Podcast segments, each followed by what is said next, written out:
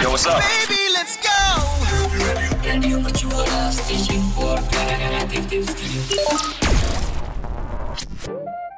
Radio Mercu Buana Station for Creative Student.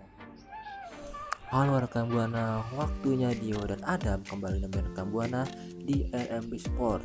Namanya rekan Buana semua nih di siang-siang hari ini seputar dunia olahraga yang ada di Indonesia maupun di mancanegara. Bener banget nih yo Dan rekan Buana jangan lupa untuk follow Instagram kita di @radiomercubuana Dan Twitter kita di @radio underscore UMB Dan jangan lupa nih untuk visit website kita di radio.mercubuana.ac.id Karena di sana banyak banget artikel-artikel yang keren untuk rekan Buana baca dan sangat informatif nih yo Radio Buana Station for Creative Students. Ngomong-ngomong tentang RMB Sport nih yo Ngomong-ngomong tentang olahraga Kita minggu ini bakal ngebahas tentang olahraga apa sih yo Nih Dam, jadi informasi pertama kita ada informasi seputar dunia balap yaitu MotoGP nih Dam. Waduh ada apa lagi nih yo di MotoGP nih yo Jadi di MotoGP ini kemarin ada Maverick finalis nih. Dia sama sekali nggak puas sama hasil yang didapat di MotoGP 2020. Finalis ini menyebut MotoGP 20 sebagai musim terburuknya nih dam dan rekan buana. Waduh, kenapa tuh kok bisa dibilang musim terburuknya nih yuk? Karena nih, finalis sendiri sempat digadang-gadang sebagai salah satu kandidat juara dunia di MotoGP 2020. Absennya Marquez disebut-sebut membuka peluang finalis untuk berebut gelar juara. Oh iya bener juga sih yo kemarin tuh si Mark Marquez itu bener-bener gak ikut kejuaraan, gak ikut tanding tuh sampai akhir musim loh yo. Betul, makanya nih kan kesempatan banget nih buat finalis buat menjuarai MotoGP. Tapi sayang ya kan hal itu ternyata nggak sesuai ekspektasi. Nah, si Vinales gimana lagi tuh yo? Jadi tim finalis memulai MotoGP 2020 dengan baik nih dan pembalap motor energi Yamaha ini selalu naik podium dengan finish runner up di dua balapan pertama di MotoGP Spanyol dan Andalusia. Namun nih rekan buana, finalis kemudian justru kesulitan. Pembalap asal Spanyol ini hanya satu kali naik podium di sisa musim, yakni saat jadi juara di MotoGP Emilia Romagna. Oh iya sih parah banget sih emang Vinales nih gue ngeliat dari kemarin-kemarin nih kayaknya motornya kayaknya nih masalah-masalah motornya bener nggak yo? Betul. Tadi atas sama yang naik kali itu, finalis mengkritik motor M1. Pembalap Rusia di kemarin itu sempat menyatakan dan kalau bakal mustahil mengejar kemenangan dengan motor saat ini. Jadi emang bener nih, finalis tuh merasa motornya banyak banget kendalanya tuh. Dan pada balapan terakhir di MotoGP Portugal, finalis hanya finish di urutan 11 dia akhirnya nih menutup musim di peringkat ke-6 klasemen akhir pembalap motor MotoGP 20 dengan 102, 132 poin. Finalis pun menyebut MotoGP 20 seperti bencana untuknya dan dan buana semua. I- Mm-mm, iya bener banget sih yo kalau ngomongin tentang MotoGP ya kita nggak ada yang tahu sih bakal siapa yang jadi juaranya. Wah lu bayangin aja finalis ada yang digadang-gadang aja bisa kalah yo. Dia tuh jago banget pas lagi kualifikasi tapi ya lu tau sendiri lah pas Iya. lagi balapan aslinya. Namanya juga balapan ya kan. Ternyata ekspektasi tidak sesuai dengan realita. Ekspektasinya Iya, bener banget. jadi juara MotoGP ternyata kan realita juga Mm-mm, Apalagi nih si finalis ini setahu gua nih motornya emang bermasalah banget sampai kemarin tuh turun mesin lagi tuh yo sampai didenda. Jadi dia start dari pit stop gitu loh. Nah, makanya kan ternyata uh, yang digadang-gadang bakal menang pun akhirnya nggak menang juga. Tapi mungkin akan buana juga tahu nih dam kabar-kabar seputar finalis tuh sebenarnya kenapa sih? Apakah motornya yang benar motornya ataupun ada faktor lain? Langsung aja rekan buana mention kita di Twitter dengan hashtag RMB Sport. Radio Buana Station for Creative Students. Nah, dah tadi kan gue udah ngebahas tentang finalis yang gagal jadi juara MotoGP yang sebelumnya udah digadang-gadangkan supaya menang MotoGP. Kalau lu punya berita apa nih, Dam? Seputar dunia olahraga. Wah, mak masih dalam MotoGP yo. Apa Gila tuh? aja nih MotoGP tahun ini tuh bener-bener abakadabra dah, bener-bener banyak banget kejutan-kejutannya. Hmm, banyak banget drama-drama terjadi ya di tahun 2020 ini ya Oh iya jelas. Nah nih, indahnya MotoGP 2020 membuat Miguel Oliveira walaupun cuma finish 9 ke 9 di klasemen juara dunia, ia menutup musim dengan trofi juara seri balapnya yang kedua di negeri sendiri pula. Kian bahagia karena ditemani adik tercinta yang juga calon istrinya. Jadi nih si Oliveira ini kemarin finish juara satu nih yo. Jadi podium dia cuman di juara kedunianya itu si Oliveira cuman ke 9 di klasemen. Cuman kemarin pas di Portugal dia juara satu yo. tapi ini udah membuat dia merasa bahagia banget ya karena mungkin udah salah satu pencapaian yang terbesar selama di MotoGP benar nggak Dap? Iya benar, apalagi dia ditemenin sama adik tercintanya yang adik tercintanya itu sendiri adalah calon istrinya yo. waduh bahagia banget pastinya Wah, naik naik parah. podium terus ditemenin sama adik cinta sama calon istrinya Nah, Miguel Oliveira Miguel Oliveira jadi juara seri MotoGP Portugal 2020. Rider 25 tahun asal Portugal itu berjaya berjaya di negeri sendiri usai menguli Jack Miller dan Franco Morbidelli gitu yo. Jadi kemenangan Mo Oliveira ini memang tidak lantas mengantrol posisinya secara drastis ke posisi yang atas klasemen akhir. Ia harus puas berada di ke 9 klasemen. Nah, lu tahu sendiri nih, yo, si Miguel Oliveira ini salah satu pembalap KTM. KTM sendiri lagi naik banget nih, yo, di tahun ini. iya sih jelas apalagi nih kan uh, mungkin nih kayak yang tadi bilang dia sangat pencapaian terbesar dia selama di MotoGP makanya walaupun dia nggak di posisi teratas itu di klasemen dunia tapi dia senang banget ya kan Iya, apalagi dia ntar naik juga nih ke KTM yang apa tuh satelitnya. wih oke makanya pasti merasa bahagia banget nih terus ada apa lagi dam tentang Miguel ini dam Namun hasil itu tetap bakal membuat Miguel Oliveira amat bahagia, bukan cuma jadi seri di negeri sendiri. Rider, rider Red Bull KTM Tech 3 itu berhasil meraih podium keduanya sejak tampil di kelas MotoGP pada musim lalu. Jadi nih dia udah pernah juara satu juga nih yo di musim in di musim lalu udah pernah di musim ini dia juara satu lagi di tempat itu itu juga. Makanya dia mungkin merasa senang ya dam karena dia baru dua musim selama di MotoGP tapi udah malah mengalami uh, kenaikan yang signifikan. Benar nggak tuh Iya bener apalagi Oliveira ini pernah juara satu juga nih di musim ini. Jadi dia juara satu dua kali juga di musim ini. Di sebelumnya dia di MotoGP Set- Seteria 2020 Terus selain itu dia ada apa lagi dam? Ada catatan apa lagi dam di MotoGP? Wah di MotoGP sih lu tahu sendiri kan Morbidelli anak buahnya bukan anak buah anak didiknya Rossi Yoki. Wah Apa nggak tahu Rossi ya kan?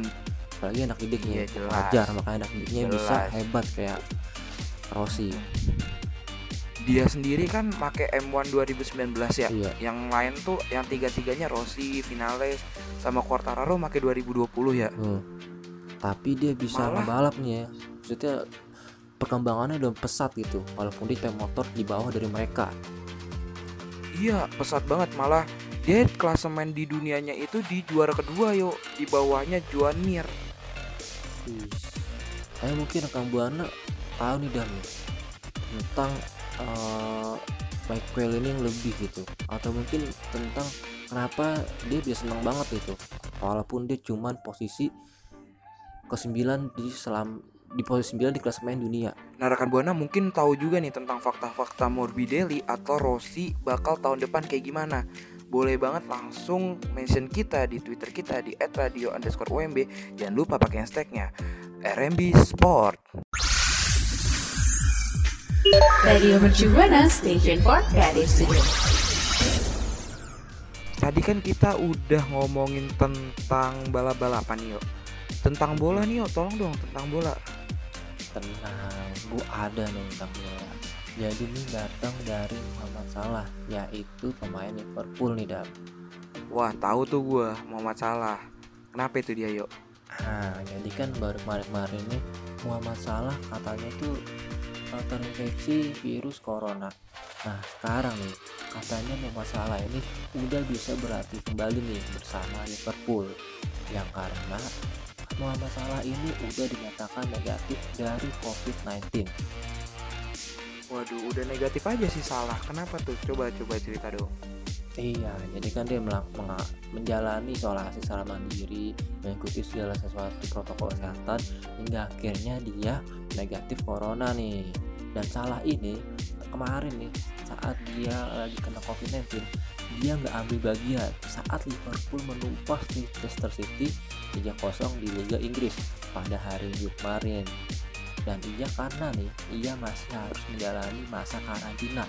Terhitung sejak diumumkan terjangkit virus corona pada Jumat tanggal 13 bulan November lalu nih dan Mm-mm.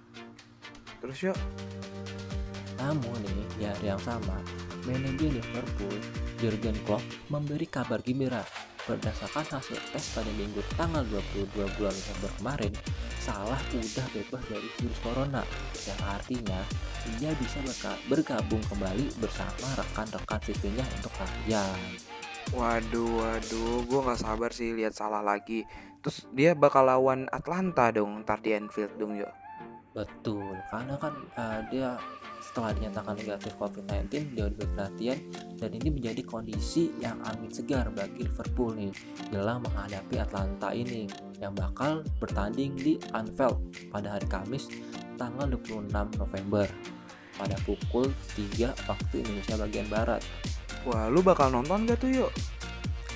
Insya Allah gue nonton sih karena gue tuh pengen banget tuh melihat Muhammad Salah kembali tampil dengan performa terbaiknya setelah COVID-19 terinfeksi pada dirinya nih. Pasti debutnya bakal luar biasa banget nih. Dia bakal balas dendam karena kemarin-kemarin dia nggak bisa tanding. Iya, apalagi lu pengen nonton ininya kan, selebrasinya yang sujud gitu kan. betul. Karena itu kalau abis ngegolin pasti nggak ing- pasti nggak bakal lupa sama sang kita. Dia bakal selalu sujud syukur Iya benar, semua masalah emang kayak panutan banget ya sih. Betul. Sejauh ini Dami, The Reds tengah memimpin klasemen nih soalnya nih di grup D dengan nilai sempurna 9 poin hasil dari tiga kemenangan yang diperoleh sama Liverpool. Terus ya, terus. Nah, kalau nih satu lagi kali menang, udah pasti nih akan memastikan Liver- Liverpool lolos ke babak 16 besar. Kehadiran Salah ini yang setelah sembuh dari COVID-19 jelas akan memudahkan Liverpool yang meskipun di musim ini baru kalah sekali dari 19 laga di seluruh ajang di seluruh ajang yang tengah diterpa COVID-19. Oh iya, berarti bener-bener ya kalau salah bener-bener bisa ngebuat Liverpool menang, berarti dia bakal lolos ke 16 besar ya si Liverpool ini ya. Betul. Jadi kayak membuat uh, para pemain lain optimis kalau Liverpool tuh bakal bisa masuk ke 16 besar. Iya, dia salah satu support sistemnya Liverpool juga sih, yo. Setahu gue sih salah ini. Iya, kayaknya tuh kalau ada mau masalah pasti kayak performa yang pemain lain tuh meningkat gitu, kayak termotivasi sendiri gitu. Iya, apalagi kan lu tahu kan yang kemarin tuh, yang tahun kemarin di Nah, iya. UCL. Buset, salah mainnya gila banget, Bro. Nah, rekan buana semua, buat rekan buana semua mungkin yang tahu informasi seputar Liverpool atau Liga Inggris atau yang mau ngasih komentar-komentarnya nih bisa langsung mention kita di Twitter kita di @radio_umb dengan hashtag RMB Sport. RMB Sport rekan Buana, jangan salah. Radio Station for Creative Students. Nah, dah tadi kan gue udah ngebahas Muhammad Salah nih dengan Liverpoolnya. Kalau lu ada apa nih seputar informasi di sepak bola? Wah, yo, lu tahu nggak sih ini yo tentang Paul Pogba yang masih akrab dengan kritik di Manchester United nih yo. Wah, ada apa tuh? Kritik apa tuh Dam?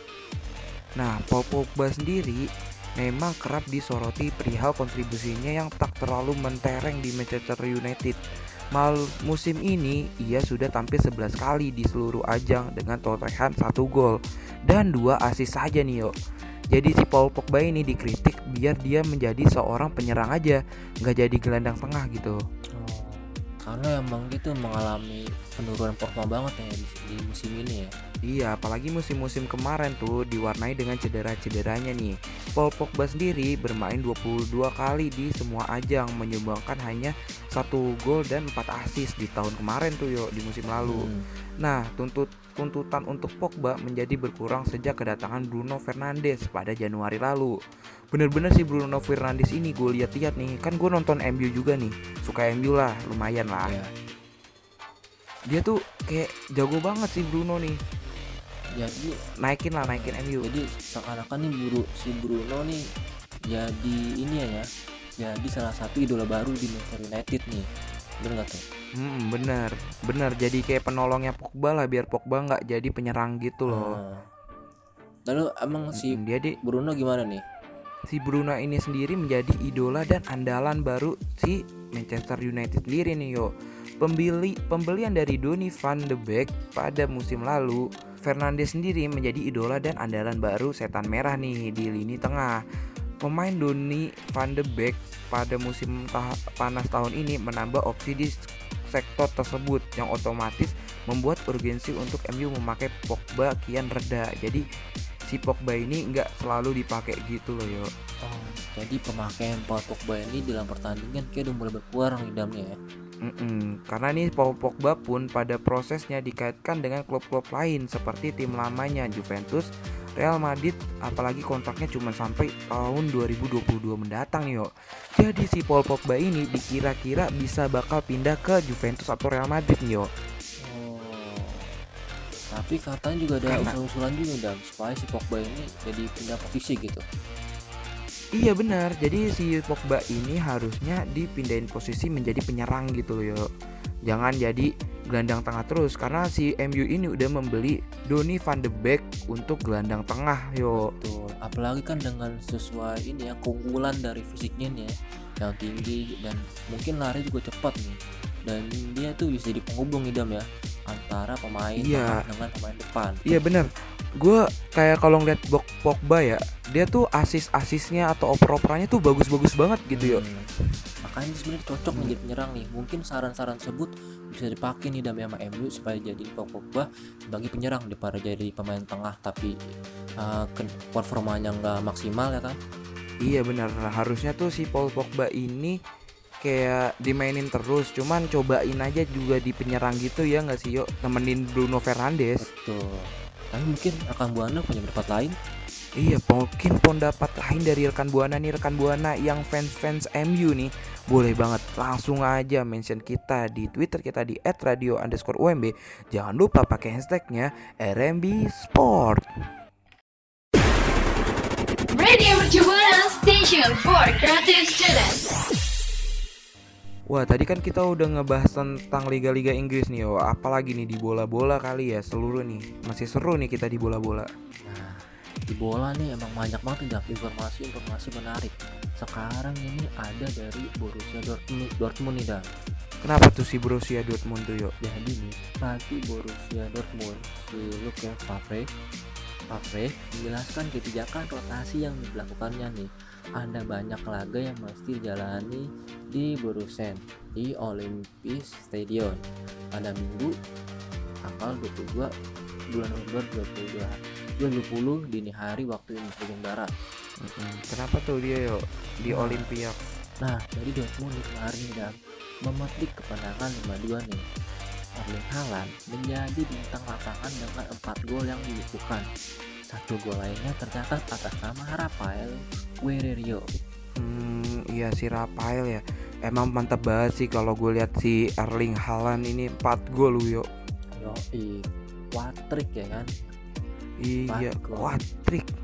Hat trick mah apa sih hat trick Bro? Itu 3 gol dan Mm Hat trick, hat trick 3 gol dia 4 gol, Bro. Ah. Gila lu bayangin. biasa itu kalau hat-trick mah. Mm-mm.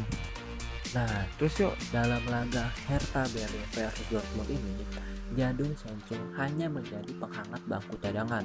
Sementara itu, Haaland bermain 80 menit Waduh, mantep juga ya, yuk. Sampai 85 menit. Itu lama banget sih. Kalau Betul. menurut tuh gimana tuh, yuk? menurut gue emang ini sih emang performanya lagi naik makanya mungkin dia dimainin secara lama nih secara lap secara 80 menit itu kan bukan singkat gitu Iya, apalagi pas 85 menit itu dia bisa ngecetak 4 gol. Gila Hmm. sih. nah Kacau. Favre pun nih menjelaskan dam keputusannya itu jadi karena Dortmund menjalani jadwal padat bermain 10 kali sampai akhir tahun alias dengan jeda 3 sampai 4 hari. Kebijakan rotasi pun dipilih nih sama pelatih Dortmund tersebut. Waduh, parah banget ya. Sampai cuman dapat istirahat 3-4 hari. Coba lu bayangin kalau lu yang jadi pemainnya, yuk. Kayak gimana, yuk? Kalau gue mah udah apa? Udah pelatih skip. Dah, pelatih, tolong saya skip skip. Udah bodo amat. Dah gitu ya. Iya. Nah, jadi skip satu pertandingan. Favre juga memberi keterangan mengenai keputusan untuk memainkan pemain muda Moukoko. Jadi dia berkata, Wow. dia berkata, kami mempunyai begitu banyak pemain di depan, kami punya banyak kesempatan, kita tunggu saja. Kata pelatih asal itu. Waduh, waduh, waduh, ada apa nih sampai dia ngomong kita tunggu saja. Makanya bakal ada gebrakan-gebrakan baru dari rotasi-rotasi pemain yang bakal berbahaya. Iya, apalagi cuma istirahat 3 sampai 4 hari, yuk. Hmm, makanya menurut gue pasti- sangat banget nih butuhin namanya rotasi-rotasi. Iya, apa ada pemain-pemain yang akan menjadi bintang? Nah, jadi bintang di episode selanjutnya dan membuat Mm-mm. dunia gempar. Iya, di dunia persepak bolaan bakal gempar nih kayaknya si Favre ini tuh udah nyiap-nyiapin peluru-peluru pemain-pemain muda nih kayaknya, yuk. Kayaknya nih, dan dia bakal membuat sebuah mungkin gebrakan baru ya di dunia sepak bola. Gue pengen nonton deh yo Dortmund lagi deh. Dia bakal kapan sih tandingnya yuk? Nah, jadi nih Dortmund sendiri nih bakal menjalani pertandingan di Liga Champions pada tengah pekan ini. Klub berikut yang akan dijamu oleh Liverpool di Signal di Eropa pada hari Rabu tanggal 25 bulan November pada hari waktu Indonesia bagian barat. Waduh, udah lewat lagi yuk. Gue nggak nonton. Nah, lu sih makanya tidur mulu. Emangnya kan Iya. mainnya main malam mulu nih, makanya tuh harus pasang stamina, begadang, tidur yang cukup, terus malam kita kuat begadang buat nonton Dortmund ini. Mm-mm. Mak sambil makan mie goreng enak kali ya. Asik, apalagi mie goreng, telurnya double, mie rebus supaya kuat, terus setengah mateng. Eh, Ih, parah sih. Apalagi nonton Dortmund yang banyak gebrakan-gebrakan baru pemain-pemainnya ya. betul banget. Nah, buat rekan buana semua, gimana nih yang kemarin nonton Dortmund pada Liga Champions? Apakah gebrakan-gebrakan tersebut berhasil membuat Dortmund mena- ber- berhasil membuat Dortmund menampilkan performa yang optimal? Nah, langsung aja rekan buana mention kita di Twitter di @radio underscore UMB dengan hashtag RMB Sport. RMB Sport. Radio Mercu Buana Station for Creative Studio. Waduh rekan buana, tadi kita udah ngebahas tentang bola-bola, balapan-balapan MotoGP yang sebenarnya Juan Mir menjadi juara dunia tahun ini. Kita ucapin selamat dulu kali buat Juan Mir kali ya. Betul, bisa selamat buat Ban Mir yang udah juara dunia MotoGP pada musim ini. Mm-mm, rekan buana, tapi sayangnya nih rekan buana, waktu memisahkan kita lagi rekan buana untuk kita temenin di minggu depan lagi. Kita kembali minggu depan lagi, bener gak ya? Bener banget nih rekan buana. Udah waktunya gua dan Adam pamit undur suara. Tapi tentunya tenang aja rekan buana. Di minggu depan gua dan Adam bakalan balik lagi nih membahas seputar dunia olahraga baik di Indonesia maupun di mancanegara. Bener nih rekan buana. Untuk rekan buana jangan lupa follow Instagram kita di @radiomercubuana dan Twitter kita di @radio_omb. Apalagi tuh yo? Dan juga jangan lupa untuk kunjungi website kita di radio.cibuana.id karena di sana banyak banget informasi-informasi menarik seputar Radio Cibuana yang mesti rekan buana lihat. Nah, buat rekan buana jangan lupa juga datengin Spotify kita karena di sana banyak banget nih siaran-siaran yang untuk rekan buana dengerin nih di Radio Mercu Buana. Nah, Pantun dulu kali yo, kasih nih. pantun. Boleh nih sebelum kita cabut kita pantun dulu nih. Mm-mm. Ngulek cabai bareng Monda. Cakep. Goodbye rekan Buana. Gua ada pamit undur suara. Gue Dio pamit undur suara. See you. See you.